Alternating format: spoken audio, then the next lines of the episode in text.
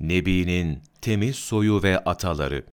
Peygamberimiz sallallahu aleyhi ve sellem, soyları ve kendileri hakkında şöyle buyurmuşlardır. Yüce Allah, İbrahim oğullarından İsmail'i seçti. İsmail oğullarından Kinane oğullarını seçti. Kinane oğullarından Kureyş'i seçti. Kureyş'ten Haşim oğullarını seçti. Haşim oğullarından da beni seçti. Ben Muhammed bin Abdullah bin Abdülmuttalib'im. Yüce Allah mahlukatı yarattı ve beni onların en hayırlılarının içinde bulundurdu.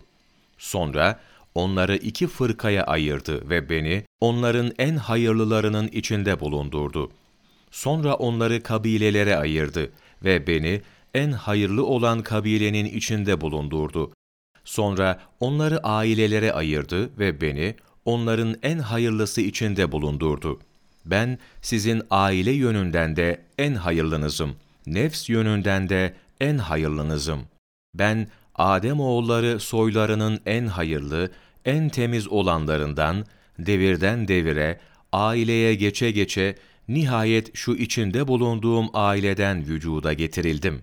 Halk ne zaman iki kısma ayrılsa, muhakkak Allah Celle Celaluhu beni onların en hayırlı olanının içinde bulundurmuştur. Ben cahiliye devrinin kötülüklerinden hiçbir şeye bulaşmaksızın ana ve babamdan meydana geldim.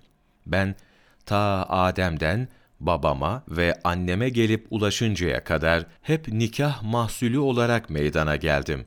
Asla zinadan meydana gelmedim.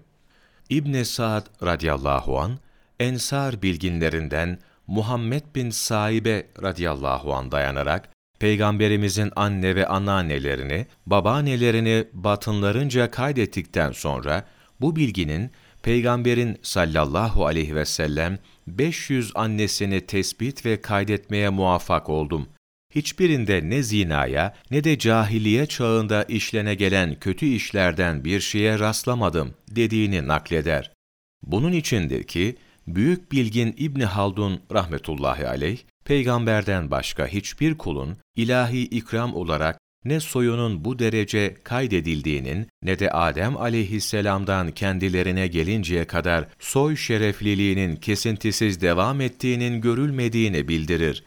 Asım Köksal, İslam Tarihi, Cilt 1, sayfa 24-25, 26 Ağustos Mevlana takvimi